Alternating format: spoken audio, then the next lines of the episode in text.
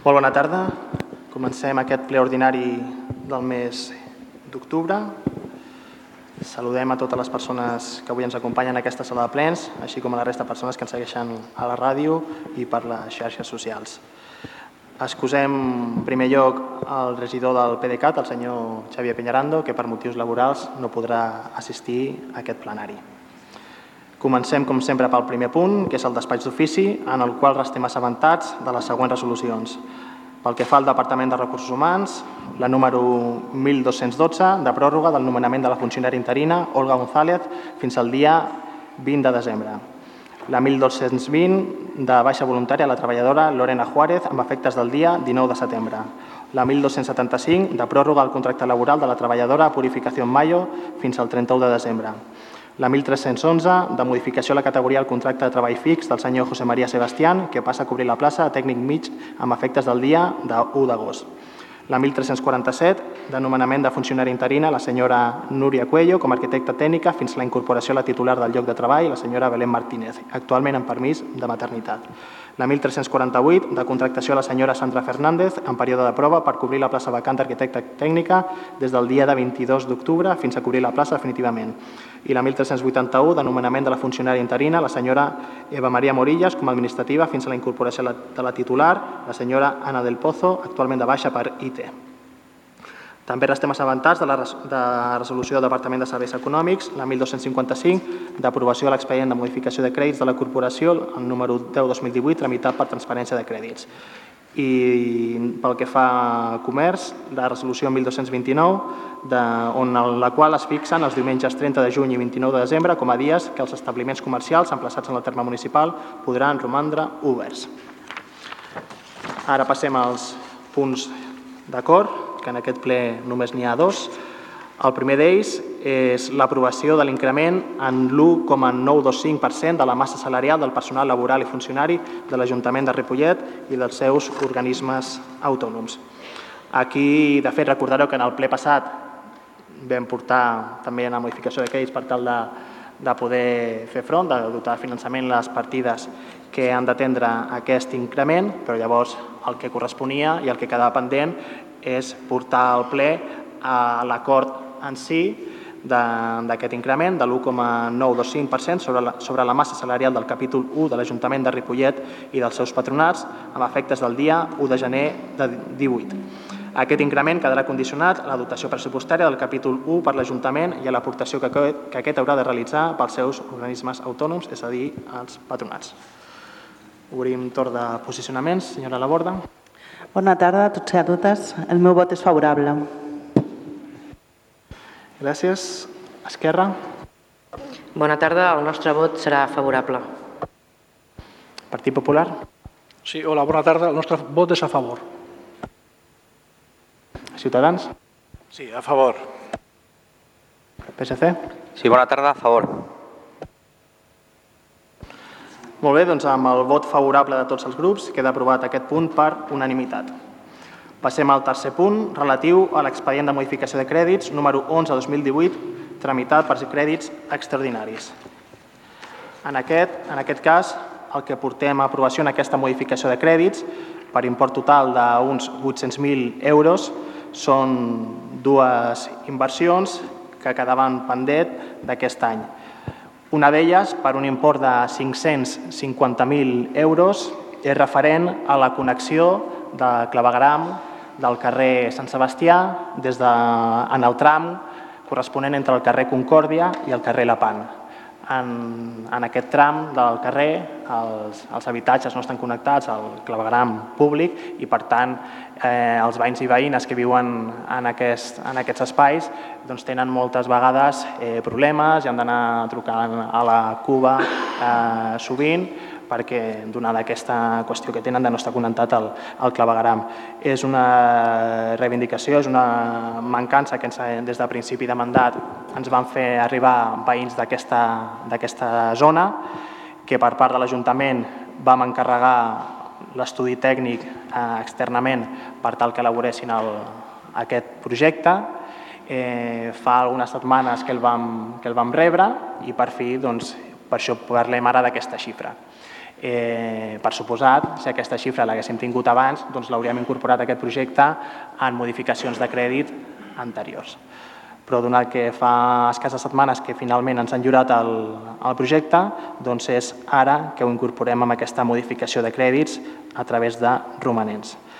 I l'altra inversió, que també quedava pendent, és per un valor de 250.000 euros, referent a la inversió que també n'hi havia pendent del bar del camp de futbol de, del Ripollet, del camp municipal de, de la Sínia, que també era un acord que aquest govern amb el grup de Ciutadans també va establir ja farà força, força temps, que també, com recordareu, perquè en alguna ocasió diria que ho hem comentat en aquest mateix eh, plenari, doncs es va fer una primera proposta de, de, de projecte, que es va acabar de presentar en la junta directiva de llavors del Club de Futbol Ripollet, però donat un, un canvi de junta que hi ha hagut recentment en el, eh, en el club, doncs es van voler afegir alguns canvis i seguint els seus eh, criteris doncs s'han incorporat i per això s'està acabant de perfilar aquest projecte, però la quantitat oscil·la amb aquesta, més o menys amb aquesta quantitat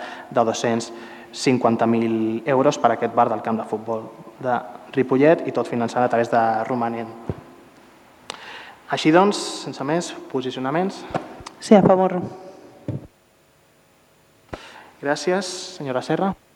Val, gràcies, alcalde. Sí, votarem a favor, evidentment, ja que trobem del tot necessàries aquestes inversions i actuacions, però sí que els darrers mesos s'han aprovat moltes modificacions de crèdit i un cop més els hi tornem a demanar que millorin més la, la planificació.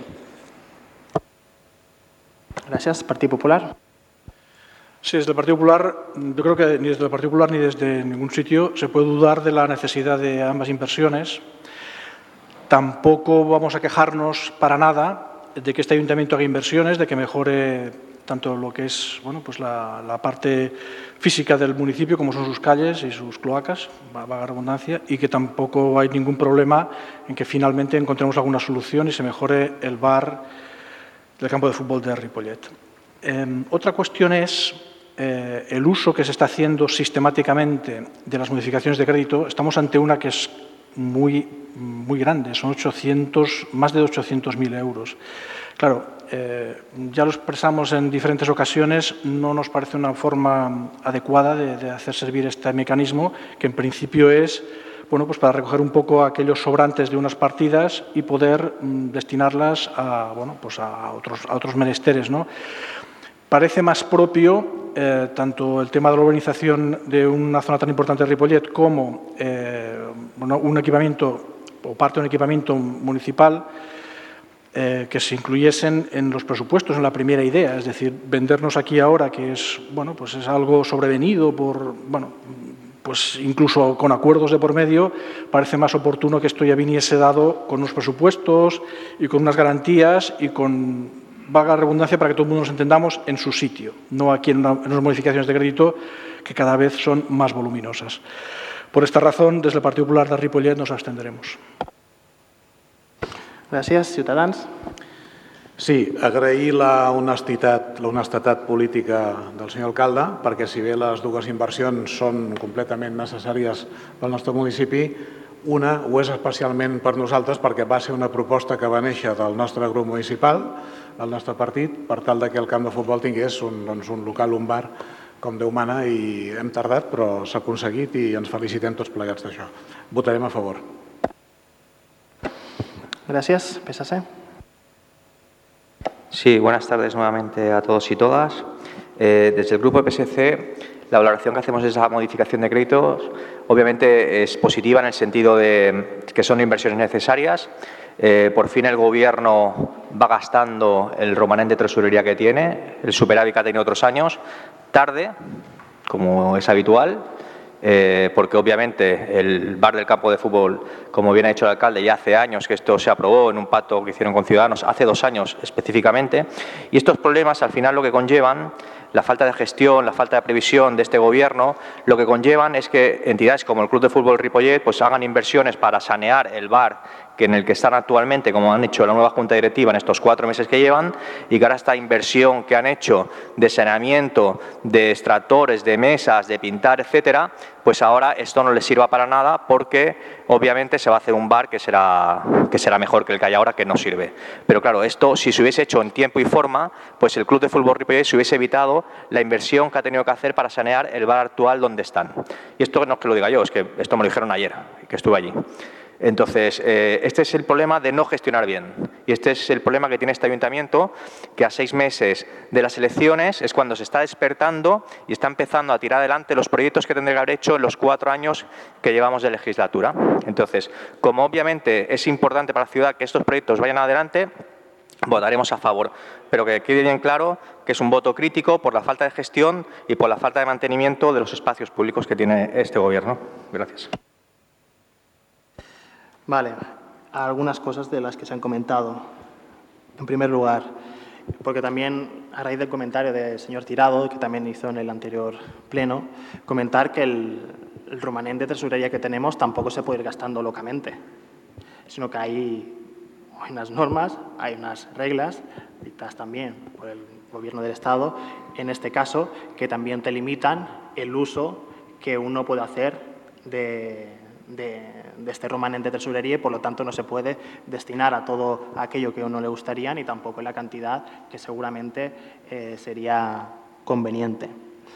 Eh, por otro lado, también mm, es contradictorio decir que este gobierno no planifica y al momento decir que va, se va con retraso.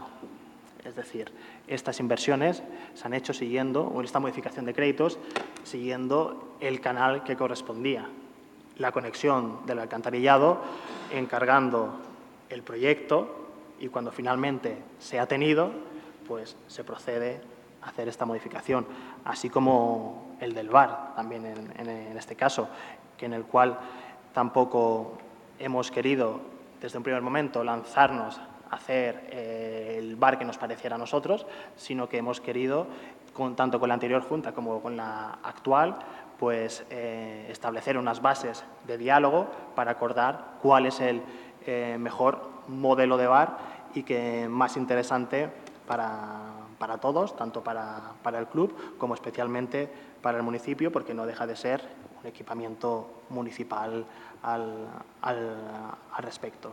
Y por eso mismo yo lo he querido dejar también claro al, al inicio de mi exposición, de mi presentación, el hecho de decir que si estas cantidades, si hubiéramos sabido a ciencia cierta eh, el coste de estas inversiones, pues lo habríamos eh, añadido a otras modificaciones de crédito que se han hecho en otros meses. Pero no precisamente no se hizo porque se podrían haber puesto cualquier cifra y quizás ahora nos encontrábamos en la tesitura de tener que cambiarla, modificarla con una modificación de créditos para que esa partida pues, realmente eh, reflejara lo que el coste del proyecto pues ya manifiesta en sí. Así pues, sí, sí, adelante, señor Tirado. Vamos a ver, señor alcalde, en ningún momento yo he dicho que ustedes inviertan locamente el romanente de tesorería. Eh, cuando he dicho yo que ustedes inviertan locamente. Esa, esa palabra que usted se acaba de inventar por favor, sea coherente y diga las cosas con, criterio. En ningún momento nadie ha dicho que el Gobierno invierta locamente. Yo entiendo que el Gobierno está asesorado por unos técnicos que son los que asesoran técnicamente cómo tiene que invertir este Gobierno y si puede o no puede invertir. Eso está más que claro y entiendo que se cumple con la Edad porque confiamos plenamente en los técnicos de la casa. O sea, que ya sabemos que no se invierte locamente, que se invierte como se tiene que invertir. Lo que sí que decimos es que se invierte tarde. Tarde, porque si se hubiese invertido en tiempo y forma, el Club de Fútbol Ripollet no hubiese tenido que hacer la inversión que ha tenido que hacer en el bar, de pintarlo, de cambiar las mesas, de sanearlo y de, hacer la extracción de humos. Y esto no hubiese pasado si ustedes hubiesen cumplido el compromiso que tenían con Ciutadans de hace dos años de hacer el bar. Y tampoco puede decir que ustedes no saben como ha dicho, el dinero que puede costar el bar. Si esto es un estudio técnico, o sea, al final es un bar modular y me consta que el Club de Fútbol Ripollet les hizo una propuesta de otra forma de hacerlo, que se desestimó porque no parece ser que no cumplía con los requisitos legales y ya está. Entonces, en ese momento pues se saca la modificación de créditos cuando se tiene que sacar y no dos años tarde, que es lo que yo me quejo y es que nuestro grupo dice y por eso digo que la falta de gestión que hay aquí en este municipio Y es una falta de gestión de su gobierno. No es que me lo invente, es que es lo que pasa. Entonces, me puede gustar más o menos, pero yo estoy en mi derecho de decir que este gobierno no sabe gestionar el, patrimonio y el dinero con el que tiene, con el que cuenta, y lo hace tarde. Y ya está. No es que lo haga mal, es que lo hace tarde. Y lo está haciendo seis meses antes de las elecciones. Cosa que ustedes han quejado siempre de los otros gobiernos. Entonces, eh, están haciendo lo que, de lo que se quejaban y ya está. Entonces, es así de sencillo. No es que digo que invierta locamente, en ningún momento he dicho eso. Al igual que no son 250.000 euros, como usted ha dicho, la modificación de crédito del bar. Dígalo bien, son 228.000, porque ha dicho 150.000, son 228.000. Seamos, seamos claros. ¿Sabe usted lo que pasa también? Que este gobierno, cuando entró ya era tres años largos, en los cajones no había apenas proyectos. No había. Este gobierno tuvo que empezar prácticamente 0%. En cambio, ¿sabe lo que sí que sucederá? ¿Sabe lo que sí que sucederá? Que después de las elecciones, esté quien esté, se va a encontrar con los cajones llenos de proyectos para tirar hacia adelante desde el minuto cero. Esa va a ser una de las principales diferencias, de que desde el minuto cero se podrán tirar adelante proyectos deportivos, de inversiones en escuelas, de equipamientos culturales, en la vía pública, cosa que nosotros, en aquel ya lejano junio de 2015, cuando entramos, apenas había proyectos ni de mantenimiento ni de inversiones en tales equipamientos. No le permito. Eh, con la abstención del...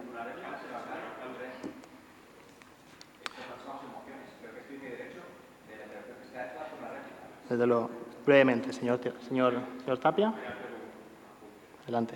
Sí, eh, por parte de, Ciudadanos, de Ciudadanos, evidentemente nos sumamos a las palabras del, portavoz del PSC. Tampoco estamos contentos de que el, proyecto, la promesa, eh, se materialice dos años después de, los presupuestos. Pero haciendo un poco de autocrítica, eh, también es cierto que esa instalación del bar, ¿cuántos años lleva así? Es decir, es una situación que se hereda de anteriores gobiernos.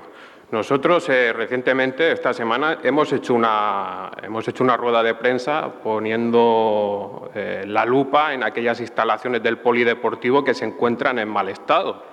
El caso de los vestuarios o, el gimnasio.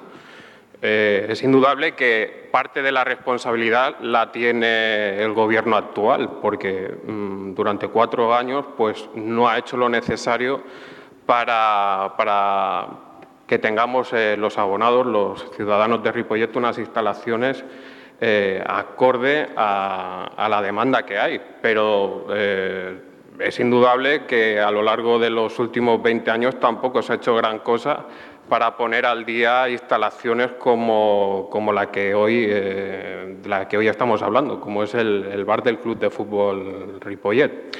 Por lo tanto, entendemos un poco la queja del, representante del PSC, pero también es cierto que aquí las culpas se deberían de, repartir a, partes iguales. Gracias. Retirado por alusiones. Eh, vamos a ver, cuando se dice que se encontraron con los cajones vacíos, hombre, seamos coherentes.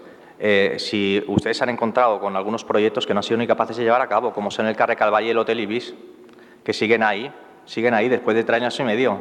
A esto me refiero de la falta de gestión. Dos proyectos que tenían para empezar, dos proyectos que tenían para empezar, como era que le dejaron la compra hecha, la última firma que hizo el señor Paralejo fue firmar en notario la compra del IBIS para, trasladar allí las oficinas, que esto estaba planificado, y la otra el Carré Calvari, que llevan tres años y medio con eso empantanado, bueno, sin hacerlo, y ahora empantanado. Esta es la realidad.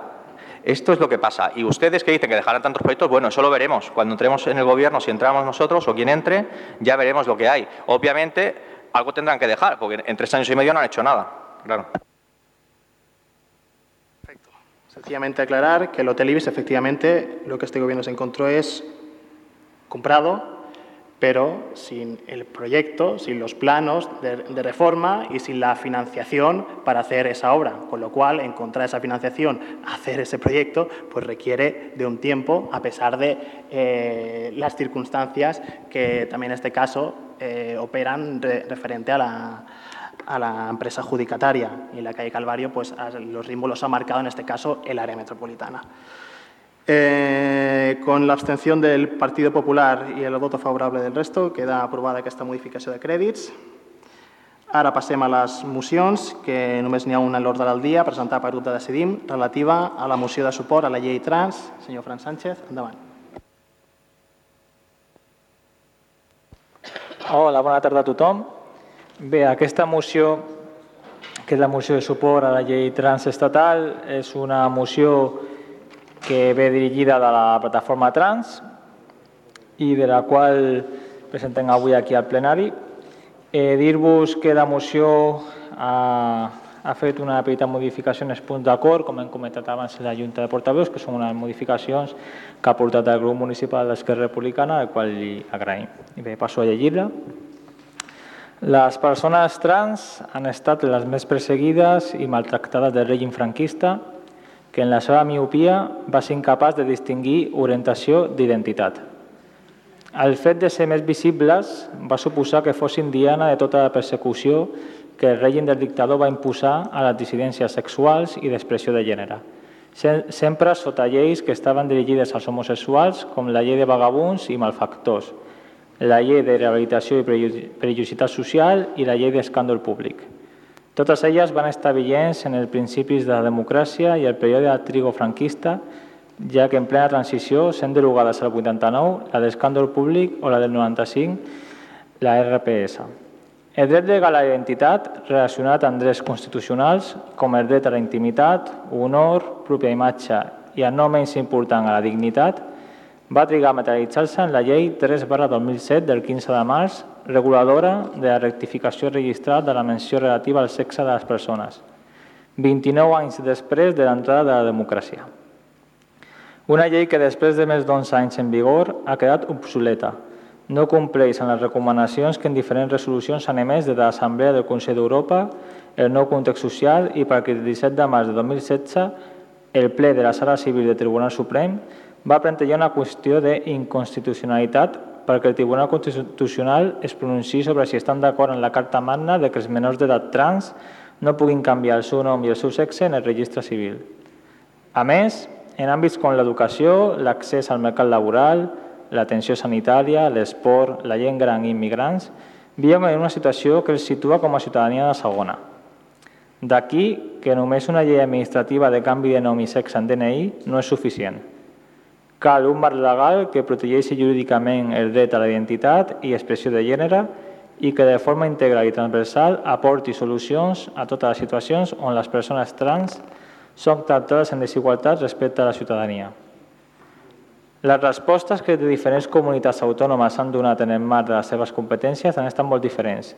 Tenim lleis específiques a Navarra, País Baix i Canàries, que en tenir com a fonament i referent la llei 3 barra 2007 són de caràcter patologitzant i contràries a la consideració de subjectes de dret a les persones trans. Andalusia, Madrid, València i Aragó han legislat sobre dos principis fonamentals i imprescindibles per lluitar contra la discriminació i ser una eina per a la igualtat legal i real de les persones trans. La despatologització de les identitats trans, assumir el fet trans com una expressió de la diversitat humana i sota el precepte legal de la lliure determinació de la identitat i expressió de gènere que reconeix a les persones trans no com a objecte de la medicina, sinó com un subjecte de dret. Això ha dibuixat un mapa de desigualtat territorial. No tenen els mateixos drets a Andalusia que a Galícia, Múrcia o altres comunitats que no tenen legislacions específiques o que si les tenen han quedat obsoletes. Per això, des del subjecte polític organitzat en la Federació Plataforma Trans, després d'un ampli període de de participació i aportacions s'ha materialitzat en una proposta de lleis transestatal que recull totes les sensibilitats i diverses realitats de les persones trans, text que va ser registrat el passat 23 de febrer al Congrés dels Diputats pel grup confederal Units Podem i que després de 8 mesos des del seu registre encara no té data per portar al ple del Congrés per votar el seu tràmit parlamentari. Aquesta inacció d'un projecte de llei que ve després de 40 anys a garantir drets i a protegir de la discriminació a les persones trans va donar lloc al fet que el 3 d'octubre 17 activistes trans de diferents comunitats de l'estat espanyol anunciessin l'inici d'una vaga de fam indefinida fins a tenir una data per aportar a tràmit el projecte. Per aquest motiu, el grup municipal de Decidim Ripollet proposa al ple l'adopció dels següents acords.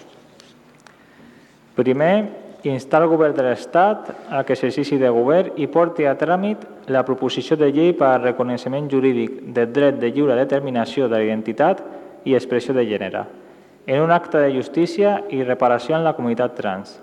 Rescati la proposició de llei registrada el 23 de febrer de 2018 pel grup confederat d'Units Podem i la presenti com un projecte de llei de govern abans de maig de 2019, fent que l'estat espanyol sigui un referent mundial en els drets humans de les persones trans. I segon, comunicar aquest acord a tots els grups parlamentaris del Congrés dels Diputats. Gràcies. Gràcies. Torn de posicionament. Senyora Laborda. Bueno, com no pot ser d'altra manera, votaré a favor. Gràcies. Esquerra Republicana.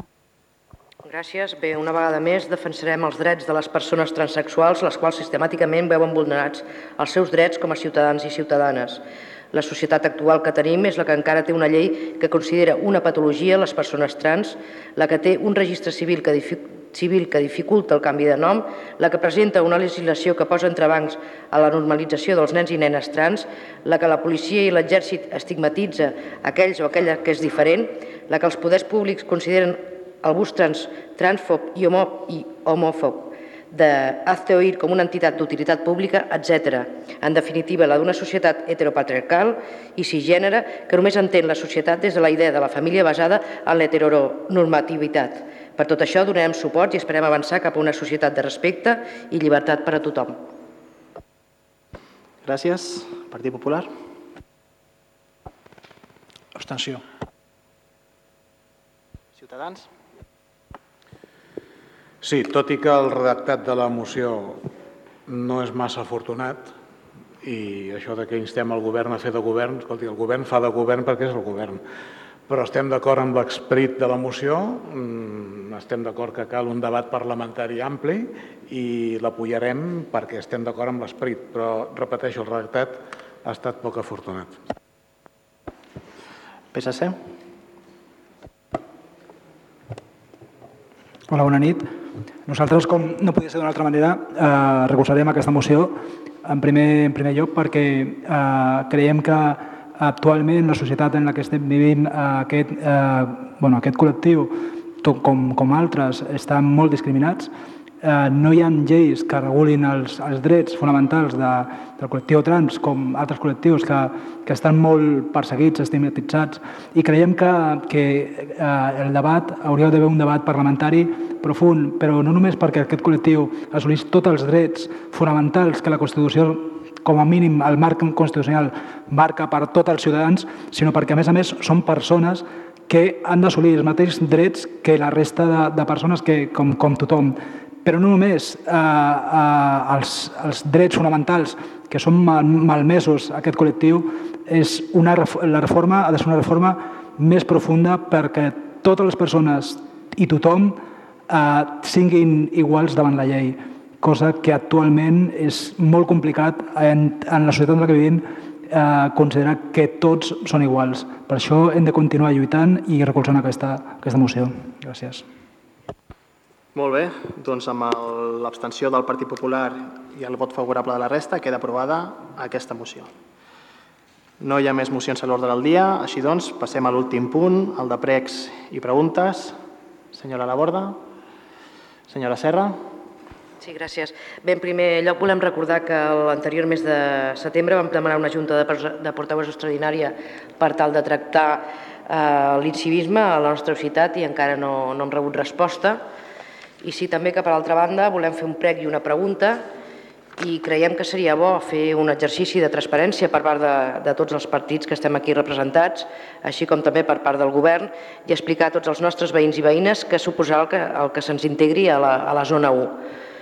Per part nostra sí que apostem per la zona, I, a zona 1 perquè és un pas endavant en la millora de la qualitat del transport públic per tal d'avançar per ser una ciutat més sostenible i menys dependent de l'automòbil, tot i així, el nostre model també és ara la T-mobilitat, ja que és també un pas previ abans d'arribar-hi, però un cop arribats aquí és on demanem un exercici de transparència ja que creiem del tot necessari explicar beneficis però també els costos que suposarà la, la, la zona 1. En el ple de mes de febrer es va presentar una moció per part del grup socialista on nosaltres ja vam dir que hi estàvem a favor però que calia explicar bé quin seria el, el cost econòmic i com repercutiria finalment en els nostres veïns. Per tant, la nostra pregunta és si aquest cost es veurà reflectit en l'augment del rebut de l'IBI o bé es crearà una nova taxa. I volem insistir i que cal explicar que com es farà front al cost econòmic que, supo que suposarà per, al, per aquest Ajuntament i sobretot qui l'assumirà. Entenent també que en aquest sentit tampoc s'està donant masses explicacions com es farà, almenys eh, entenem que en els nostres veïns i veïnes no, i que s'està parlant que això no es farà efectiu fins un cop passades les eleccions municipals.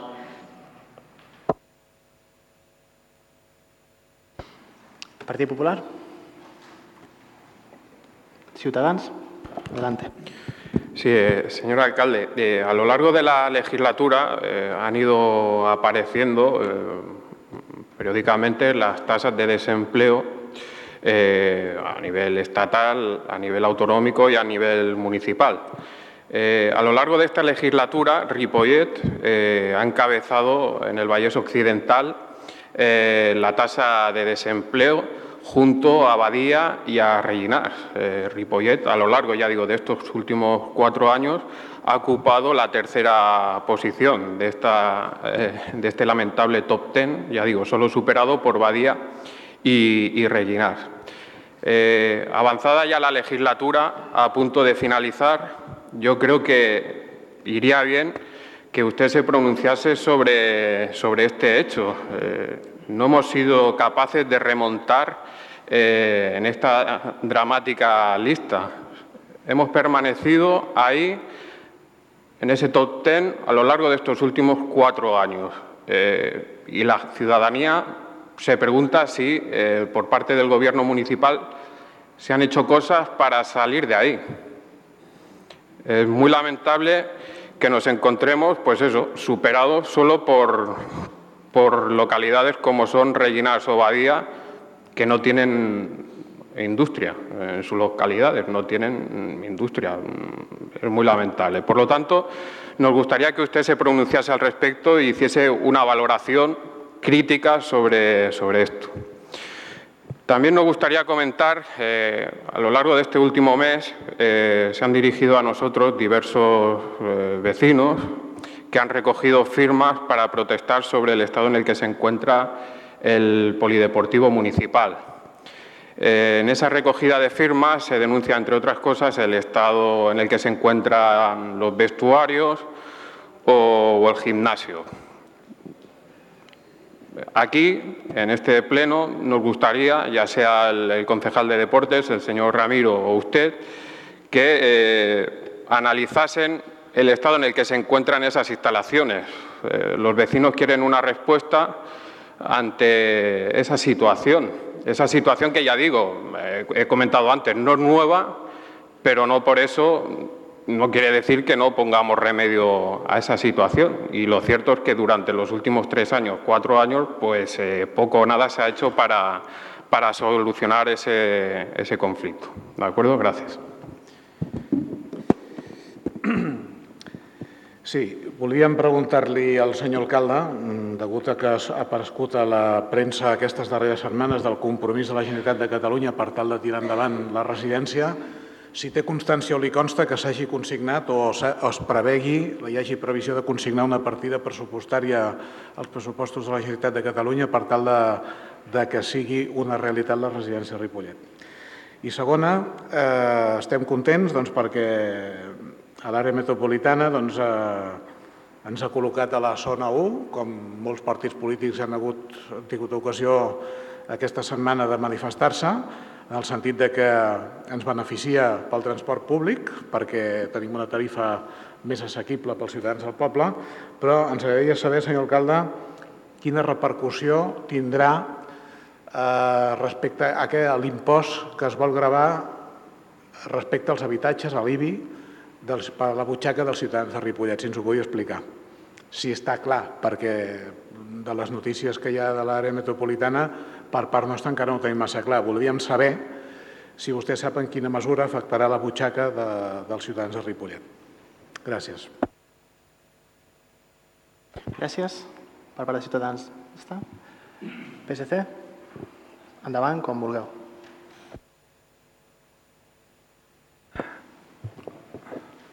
Hola, bona tarda. Eh, volíem a veure si ens podeu, no sé, què aclarir o si sabeu les accions que, que podeu fer o que, que es faran al respecte perquè cada cop a, a la zona d'aparcaments per, tot el, per tot el poble hi han més camions. O sigui, no sé si, esteu, si està controlat, si teniu alguna previsió de regulació, perquè que cada cop és més complicat. O sigui, I els camions estan invaint zones que són d'aparcament de, de vehicles que són... Però és per tot el poble, no és una zona en concret. Vale. També eh, us volia fer una altra pregunta, que és pràcticament del primer, man, bueno, el primer any que, que es va fer el ple, es va aprovar la, una, una moció en el que eh, havia un compromís de posar en marxa les, les fons ornamentals. Eh, actualment només tenim constància, com a mínim, que sigui la, del, la que està al pavelló, també la nova que s'ha fet al riu aquí ara l'Ajuntament, i, i pensem que si amb la nova font que s'ha posat en marxa eh, compleixen els requisits, tant o la por que s'avella per, per propagació de la legionela o algun tipus de... Si això, si ja està estudiat, també es podria fer amb les altres fonts perquè encara estan, no, estan, no estan en funcionament. No sé si, si ho heu pensat amb això. Gràcies. Bé, bona tarda. Jo faré dues preguntes. Una és en relació a un tema que ja ha sortit en aquest ple, eh, que és en relació a la remodelació, readequació dels espais de l'hotel Ibis com a espai de millora per l'atenció al ciutadà, sobretot en l'àmbit pel que ens va quedar clar d'atenció a la persona, sobretot en l'àmbit de serveis socials. En, sabem que hi havia problemes amb l'adjudicació, bueno, va quedar clar que hi havia un problema amb l'empresa que s'havia fet la gestió per poder tirar endavant aquest tema, però bueno, ens agradaria conèixer quin és l'impacte o quina és la situació actual. Per altra banda, eh, ens agradaria també saber, un, bueno, o ens demanaríem si serà o no hi haurà Consell de Serveis Socials algun dia. Estem a octubre del 2018, no tenim memòria ni dades, jo sé que com a grup municipal puc demanar, evidentment, les dades, però que millor que l'òrgan que hi ha, que es va crear precisament per fer participació i perquè poguessin entitats socials poguessin ser-hi i poguessin donar-se a conèixer quines són les actuacions que s'estan fent des dels serveis socials. I és una dada doncs, bueno, que ens preocupa. També és cert que bueno, m'han contestat la pregunta 50.000 que moltes vegades s'havia fet de com començarem el tema dels serveis del casal d'avis, que sí que se m'ha contestat que serà el novembre, i, bueno, i prego i desitjo que això es pugui fer de la millor manera possible i que el resultat que es doni es presentin empreses o entitats socials que puguin donar el servei de la millor manera possible. Gràcies.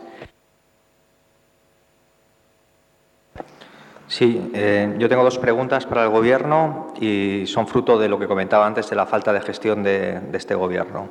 Hace dos semanas eh, sufrió un accidente el pabellón municipal. Justo en ese momento yo estaba haciendo una visita de las instalaciones municipales del pabellón conjuntamente con el Club de Fútbol Sala Ripollet y se cayó el techo. Se nos cayó el techo a 10 metros a varias personas que estábamos allí y a varios niños que estaban entrenando hockey y niñas que estaban haciendo patinaje. Me pregunto qué hubiese pasado si esto hubiese pasado el día 12 cuando se hizo la presentación, el día que se hizo la presentación, dos días después, la presentación de los equipos de fútbol Sarripolle con el pabellón lleno.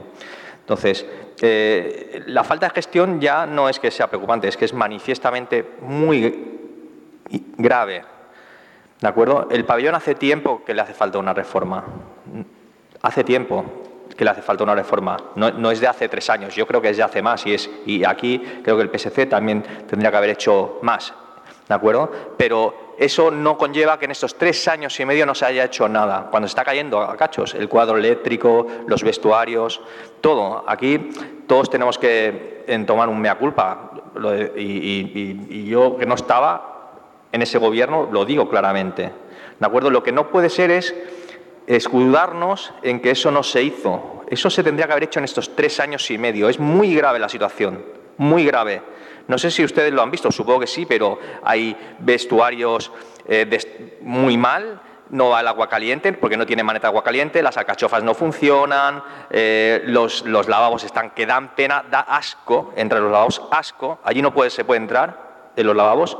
Ya no te cuento el lavabo femenino, que no tiene ni pestillo, que tienen que ir dos niñas de dos en dos para poder entrar, porque si no, no pueden entrar. Es que es lamentable, es que eso, mire, en una empresa privada, eso sería motivo de despido.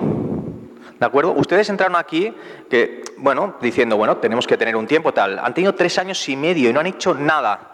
Es que nuestros hijos van allí. Yo creo que el hijo del regidor va allí y va a menudo allí a, a, practicarlo. Bueno, bueno, entonces, eh, yo creo que, que, es muy claro la situación.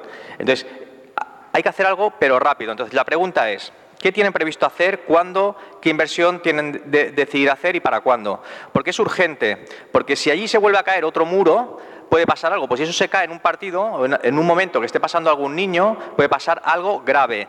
Y en ese momento que se cayó, y se lo digo, de acuerdo, que yo estaba allí, siguieron cayendo trozos. Y yo tuve que parar a algunos niños para que no pasaran por allí. Y el chico del bar salió rápidamente a poner las vallas e impedimos que pasasen niños porque seguían cayendo cascotes. Y los niños estaban allí mirándolo como una cosa divertida que estaba cayéndose el techo. Y es muy grave. ¿Vale? Y es lamentable que esté así el pabellón. Entonces, por favor, le, hago un PREC que se lo tome en serio, ¿de acuerdo? Porque la situación de sus regidorías, tanto los parques que están de forma lamentable como las instalaciones deportivas, que ya no es que lo diga yo, lo dicen los otros grupos políticos, es lamentable el, mantenimiento que están teniendo. Entonces, se lo digo por favor, ¿eh? que se ponga las pilas. No, no, no se ría. Se lo digo muy en serio, porque de muy bien hemos podido tener un accidente. Y usted no se está poniendo las pilas. Y se lo digo a usted personalmente, porque es el regidor responsable. Y es usted quien tiene que dar las órdenes para que eso pase. Y se lo digo muy serio, no me río, ¿eh? Muy serio, porque allí podría haber un incidente muy grave. ¿De acuerdo? La segunda pregunta es referente a la zona azul. Me gustaría saber eh, cómo está la zona azul de rotación de la Rambla, si se tiene previsto licitar. Hace eh, tiempo que, estamos sin, el servicio, creo que es un servicio necesario, que funciona bien para los comercios y, me gustaría saber si se tiene previsto licitar y para cuándo. Gracias. Gracias. Concejales que quieran contestar alguna cuestión. Señor Ramiro Moldes. Buenas tardes a todos y a todas. Bé, en primer lloc respondré al senyor Tàpia. Eh, ens estan preparant un projecte molt ambiciós per la remodelació completa de tot l'espai del, del poliesportiu. Ho està, ja portem un any treballant-ho perquè realment, bueno, tal com ha dit, és un espai que està molt degradat, que té molta, molta afluència de, de persones i és un espai que no es pot, no es pot estar fent com, com s'havia fet, no? de fer quan tenim necessitat, creem un espai nou i anava fent com, com per la necessitat doncs, fer un espai o adequar un altre espai per una utilització que potser no era l'adequada. I bueno, ja, ja veuen no? com està el poliesportiu. Llavors hem demanat un, afegint un projecte ambiciós, portem any treballant-ho, i en quan el tinguem jo crec que, que no tardarem molt que ens el presentin, eh, ho portarem al Consell d'Administració i, i us el presentarem, aquest projecte, que és un projecte doncs, que, que esperem que, que, que assoleixi les necessitats que té, que té el nostre poliesportiu. Moltes gràcies. Senyor Mor.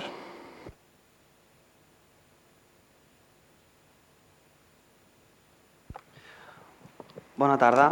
Eh, volia contestar a, a, a la regidora Maria Lladó en el, per la pregunta del ple passat sobre els tallers del centre cultural, sobre la, eh, els inscrits i tot això, només mm, dir que al mes d'octubre de l'any passat hi havia 130 alumnes i en el mes d'octubre d'aquest any n'hi han 155 alumnes, val? o sigui que s'ha incrementat el, el número d'alumnes, tot i que les propostes formatives s'han reduït. O sigui, hem reduït propostes formatives i tot i així hem ampliat més, més inscripcions. Eh, sobretot va eh, de, de, de 17 propostes que hi havia l'any passat a 13 propostes ofertades ara. Eh, han sortit tots aquests grups, no només això, sinó que queda alguna plaça, això sí que és veritat, i, i es consoliden doncs, els tallers en família que, que ja porten doncs, dos anys funcionant i que ens, ens funcionen molt bé.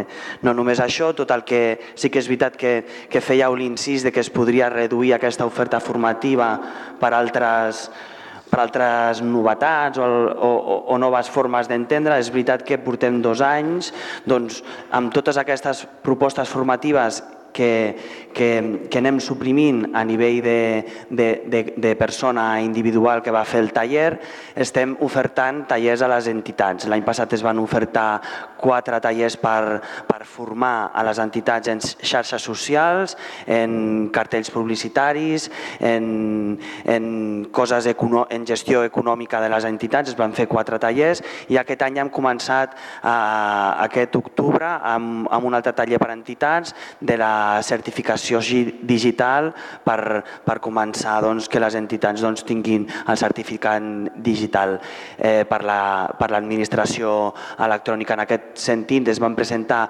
26 entitats a fer el taller, o sigui que va ser un gran èxit i el que intentem és, doncs, amb, amb tot el pressupost que hi havia, no hem modificat ni un euro des de que vam entre nosaltres el 2015, no hem modificat cap euro, però sí que hem anat reduint aquestes propostes formatives que possiblement no tenien èxit i, i, es, i, es, i es consensuaven any, any, any any i aquesta proposta formativa que reduïm l'hem anat invertint doncs, en, en la formació eh, en família, a la formació a les entitats i ara amb el nou projecte doncs, que començarem al gener per portar la cultura també als barris. Gràcies, senyora Castillejo. Sí, hola, jo respondré, bona tarda als assistents. Respondré dues preguntes breus de les que ens han fet. Una relativa a la que ens ha fet la Maria Lladó sobre les obres a, de l'IBIS. Uh, és cert que l'empresa que, estava, que tenia adjudicada les obres va entrar en, en concurs de creditors uh, durant aquest estiu i això doncs, ha fet alentir bastant les obres. Tot i això, doncs, a través de, uh, els serveis jurídics que estan intervenint aquesta, eh, aquest concurs de creditors a aquestes empreses, estem fent els pagaments a través eh, de qui està fent aquesta intervenció i anem a un ritme bastant més lent del que voldríem, perquè la nostra previsió era que al setembre estiguessin finalitzades, però les obres no s'han arribat a aturar més enllà de 15 dies. Van a un ritme més lent i llavors això ens ha fet endarrerir la previsió que teníem de, de trasllat, però eh, eh, sens dubte abans de finalitzar el 2018, preveiem que bastant abans ja podrem fer eh, el, el, el trasllat al nou espai, perquè ja estaran finalitzades aquestes obres i podrem obrir aquest nou espai. I pel que fa a la zona blava, eh, el que hem fet és un concurs eh, ajuntant tots els serveis d'aparcament del municipi, no només aquesta, bueno, en diem zona blava, però no zona blava, no és control horari d'aquestes zones, aquestes zones de control horari d'aparcament i el pàrquing del Molí, un contracte conjunt per unificar, perquè si no tenim totes les coses com molt disgregades i acabes tenint molts contractes petits i diem, són serveis d'aparcament, doncs fem un únic contracte de tot això. Aquest contracte es va començar la licitació a primers d'octubre i demà finalitza el període de presentació d'ofertes. Vol dir que ja només ens queda doncs, analitzar les ofertes que hagin presentat. Entenem que durant el proper mes eh, tindrem el servei aquest any en marxa.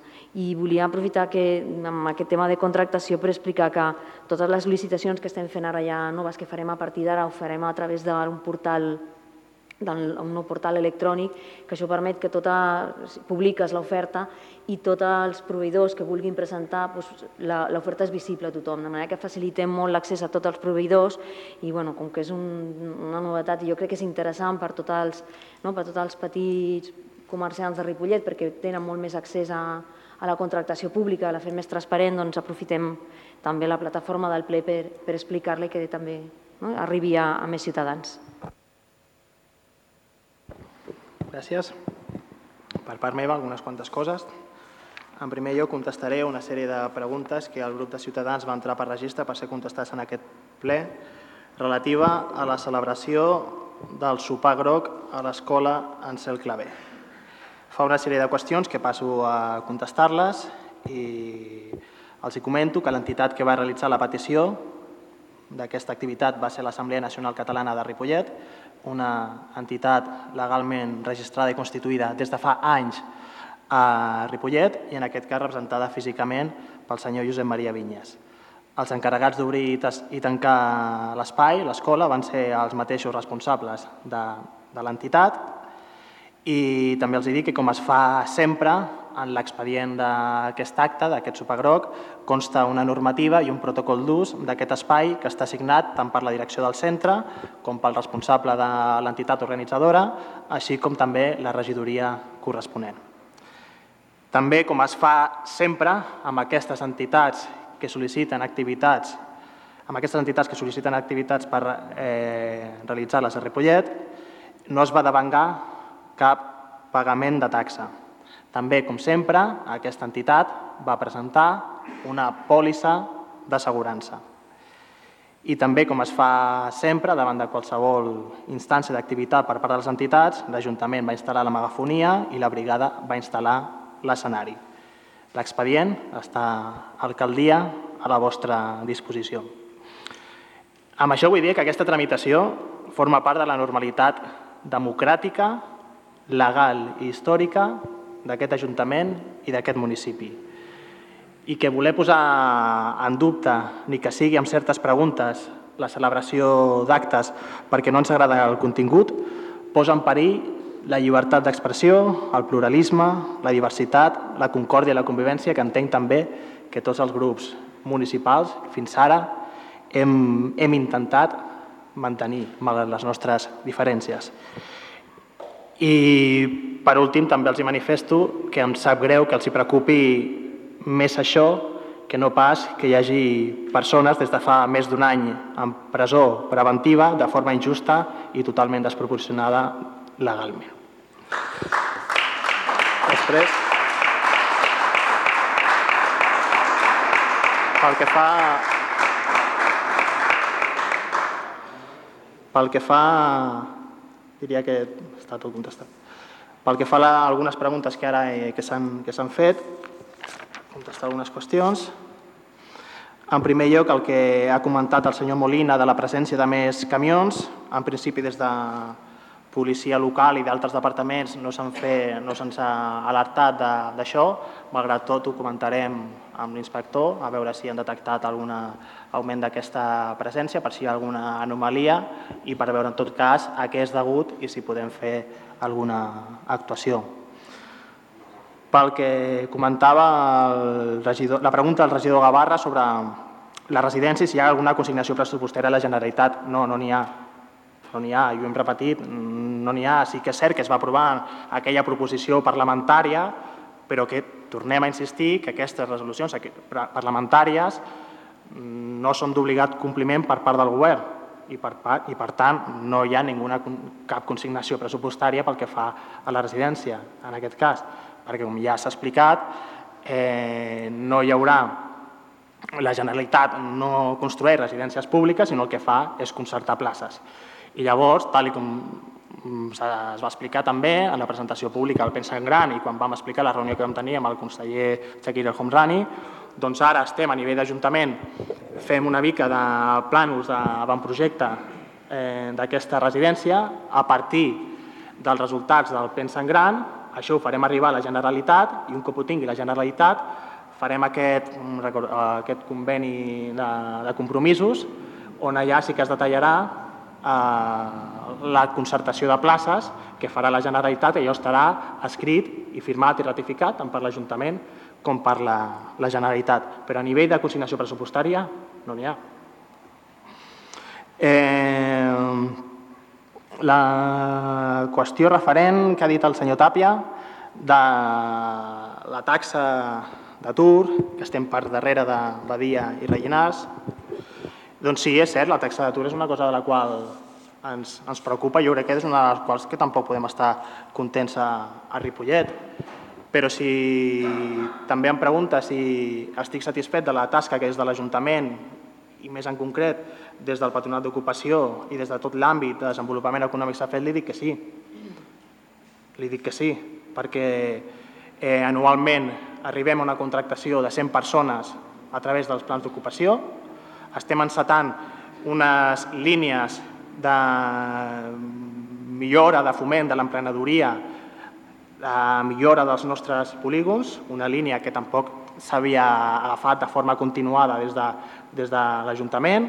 Estem fomentant, com bé sabeu, també l'associacionisme empresarial, que també esperem en poques setmanes tenir bones notícies, és a dir, que hem obert tota aquesta línia, de la qual cosa també és cert que si parles amb, amb gent dels polígons, de les empreses, doncs també diran segurament que han vist, malgrat tot, un pas eh, endavant i que hi ha plantejament de fer moltes coses en aquesta qüestió. També s'han treballat qüestions relatives a economia social i solidària, eh, moltíssima oferta formativa, molt acompanyament a les persones a l'hora d'inserir-les laboral, laboralment. És a dir, que sí que és cert que amb la taxa d'atur no podem estar contents, però el que sí que estic satisfet és amb tota la feina que es porta fent des del, des del Patronat d'Ocupació. És més, eh, del vostre grup municipal no assistiu al Consell d'Administració. Entenc que és per dificultats laborals per assistir, però en tot cas, un cop més, es resto a la vostra disposició per qualsevol proposta per disminuir aquesta taxa d'atur, cosa que encara també en aquests tres anys i, eh, mig gairebé doncs tampoc he rebut cap proposta en concret sobre què fer des del municipi en, a, en, a, en aquesta qüestió. Però des del patronat doncs, estem fent moltes coses i les seguirem fent i estem contents en aquesta línia.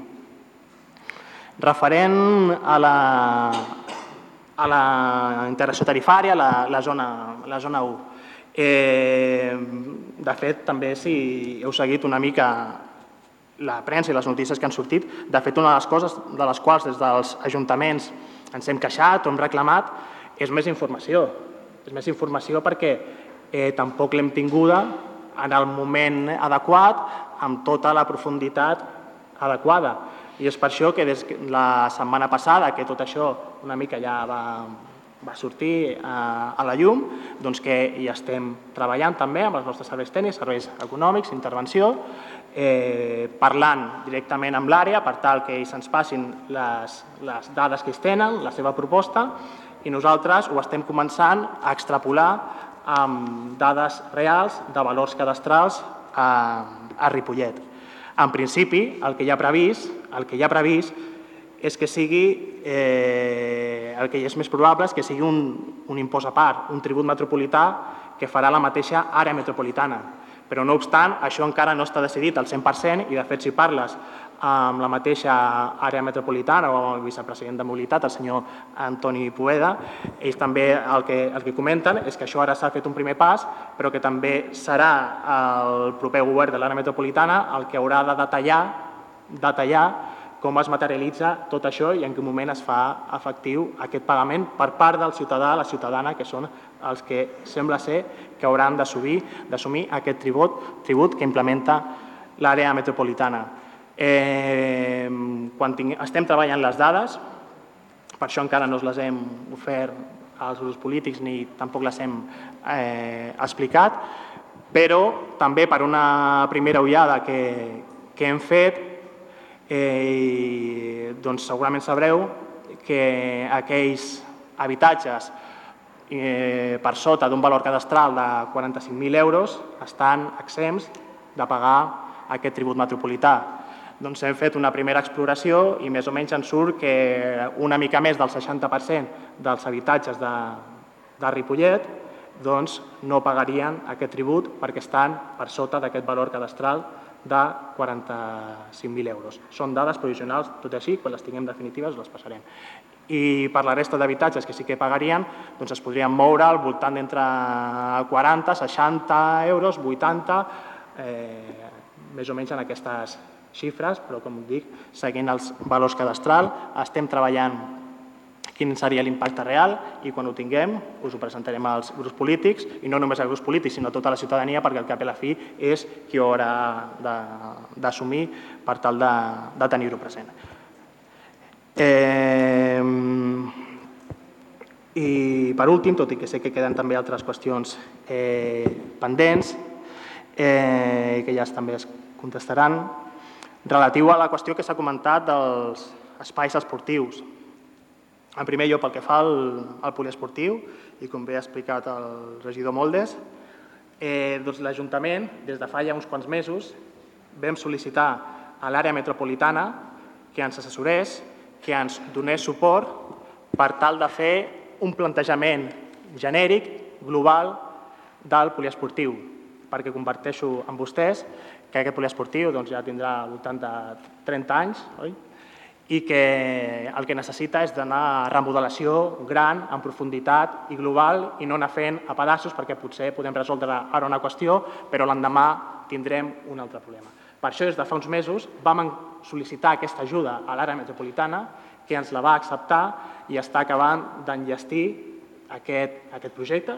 Tècnics de l'àrea han vingut al poliesportiu a mirar totes aquestes instal·lacions de vestuaris, de gimnasos, etc, per fer un plantejament global de tot això i a partir de llavors poder eh, actuar de forma coherent al poliesportiu. Pel que fa al pavelló Joan Creus. El pavelló Joan Creus eh, a veure, per on començo? Pel que fa a inversions, aquest govern, aquest Ajuntament, no ha tingut deixadesa. No ha tingut deixadesa pel que fa a les inversions, perquè a la mateixa modificació de crèdits per incorporar romanents per inversions del mes de maig hi havia contemplada una partida important pel pavelló Joan Creus. Entre d'altres, per arreglar els, els lavabos, entre d'altres, per arreglar el parquet de la pista, entre d'altres, per arreglar el mur perimetral i, entre d'altres, també per fer l'estudi d'aïllament i de climatització d'aquell espai. És a dir, per part de, pel que fa a les inversions, aquest Ajuntament ha actuat i, ha actuat i va actuar fa mesos. I aquestes inversions estan en tràmit de que vagin sortint. Eh, el que sí que ens preocupa, per suposat, és el, el manteniment. I, I també, prèviament, a la visita que el senyor Tirada amb altres companys del seu partit va tenir amb, el, amb la gent del futbol sala, jo mateix també, amb el regidor Ramiro Moldes, també vam tenir una trobada amb famílies, amb pares d'aquest club de futbol sala, on igual que, que a vostès doncs, també ens van presentar aquell dossier lamentable de totes les mancances, desperfectes i manca de manteniment que hi ha al, al Joan Creus. I nosaltres, i jo vaig dir públicament, ho vaig dir públicament en tot moment i a tothom que m'ha preguntat. De fet, ho vaig dir també públicament el dia 12 a la presentació dels equips de futbol sala. A mi com a alcalde se'm queia la cara de vergonya de veure aquell estat. I ho torno d'aquí. I ho torno d'aquí. I va estar un toc d'alerta molt important. Però des d'aquell moment, des d'aquell moment, lamentablement també va coincidir amb que es caigués part del pla dur del sostre, des d'aquell moment, l'Ajuntament també hi estem actuant i moltes d'aquestes qüestions que es recullen en el dossier estan solventades o, si més no, en procés de ser solucionades. Comentaves l'aigua calenta. No és que no hi hagués aigua calenta, és que hi havia algunes dutxes que no tenien la maneta. Aquestes manetes, per exemple, ja tinc entès que estan instal·lades, així com moltes de les altres qüestions que es comentaven. A banda d'això, d'aquí a final d'any, i com també ja es va explicar al club, eh, en aquest, el Club Futbol Sala en aquest cas, hi ha previst d'aquí a final d'any arreglar tota la part de, de goteres, que són el que al final ha provocat aquesta caiguda de, de sostre, fer una pintura integral de tot l'espai, fer un recanvi de la il·luminació per instal·lar-hi LED i, en definitiva, fer tot un rentat de cara i una neteja en profunditat d'aquest pavelló de, de, Joan, de Joan Creus, que des de aquest moment que els pares ens van presentar aquesta, aquest dossier, hem començat a, a actuar.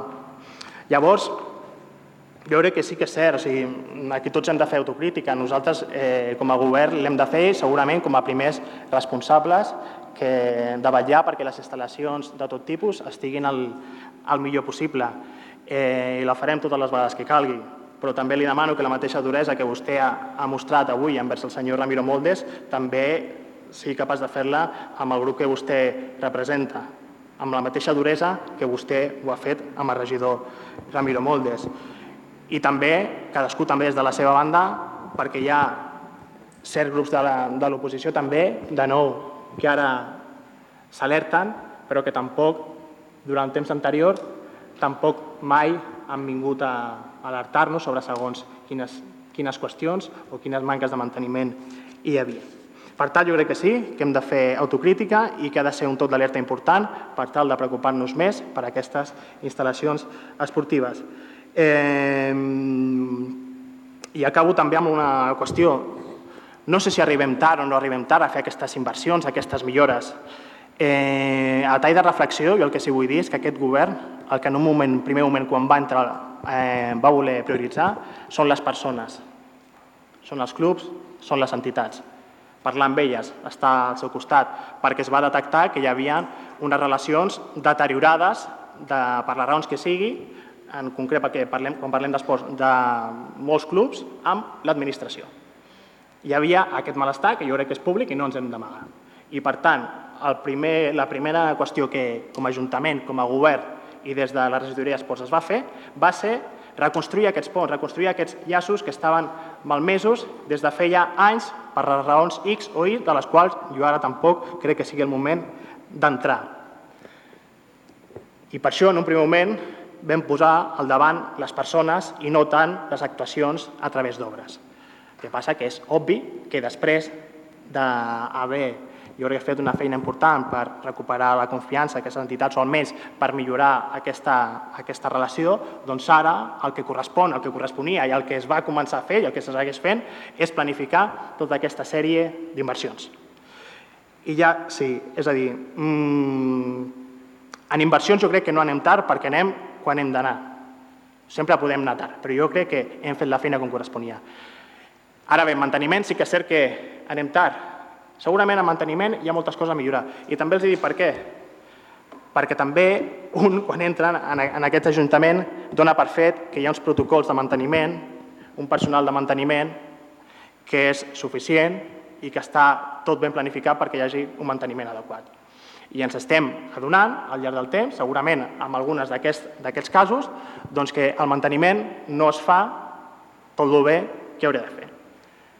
I per tant, un cop ens adonem d'això, estem canviant els protocols, eh, modificant els canals d'informació per tal de millorar tot això i, com ja vaig dir, estic convençut que d'aquí eh, un any doncs, aquests equipaments esportius estaran molt millor de com estan ara mateix. Així doncs, eh, sense més, deixem aquí aquest preordinari del mes d'octubre. Moltes gràcies a tothom i molt bona nit.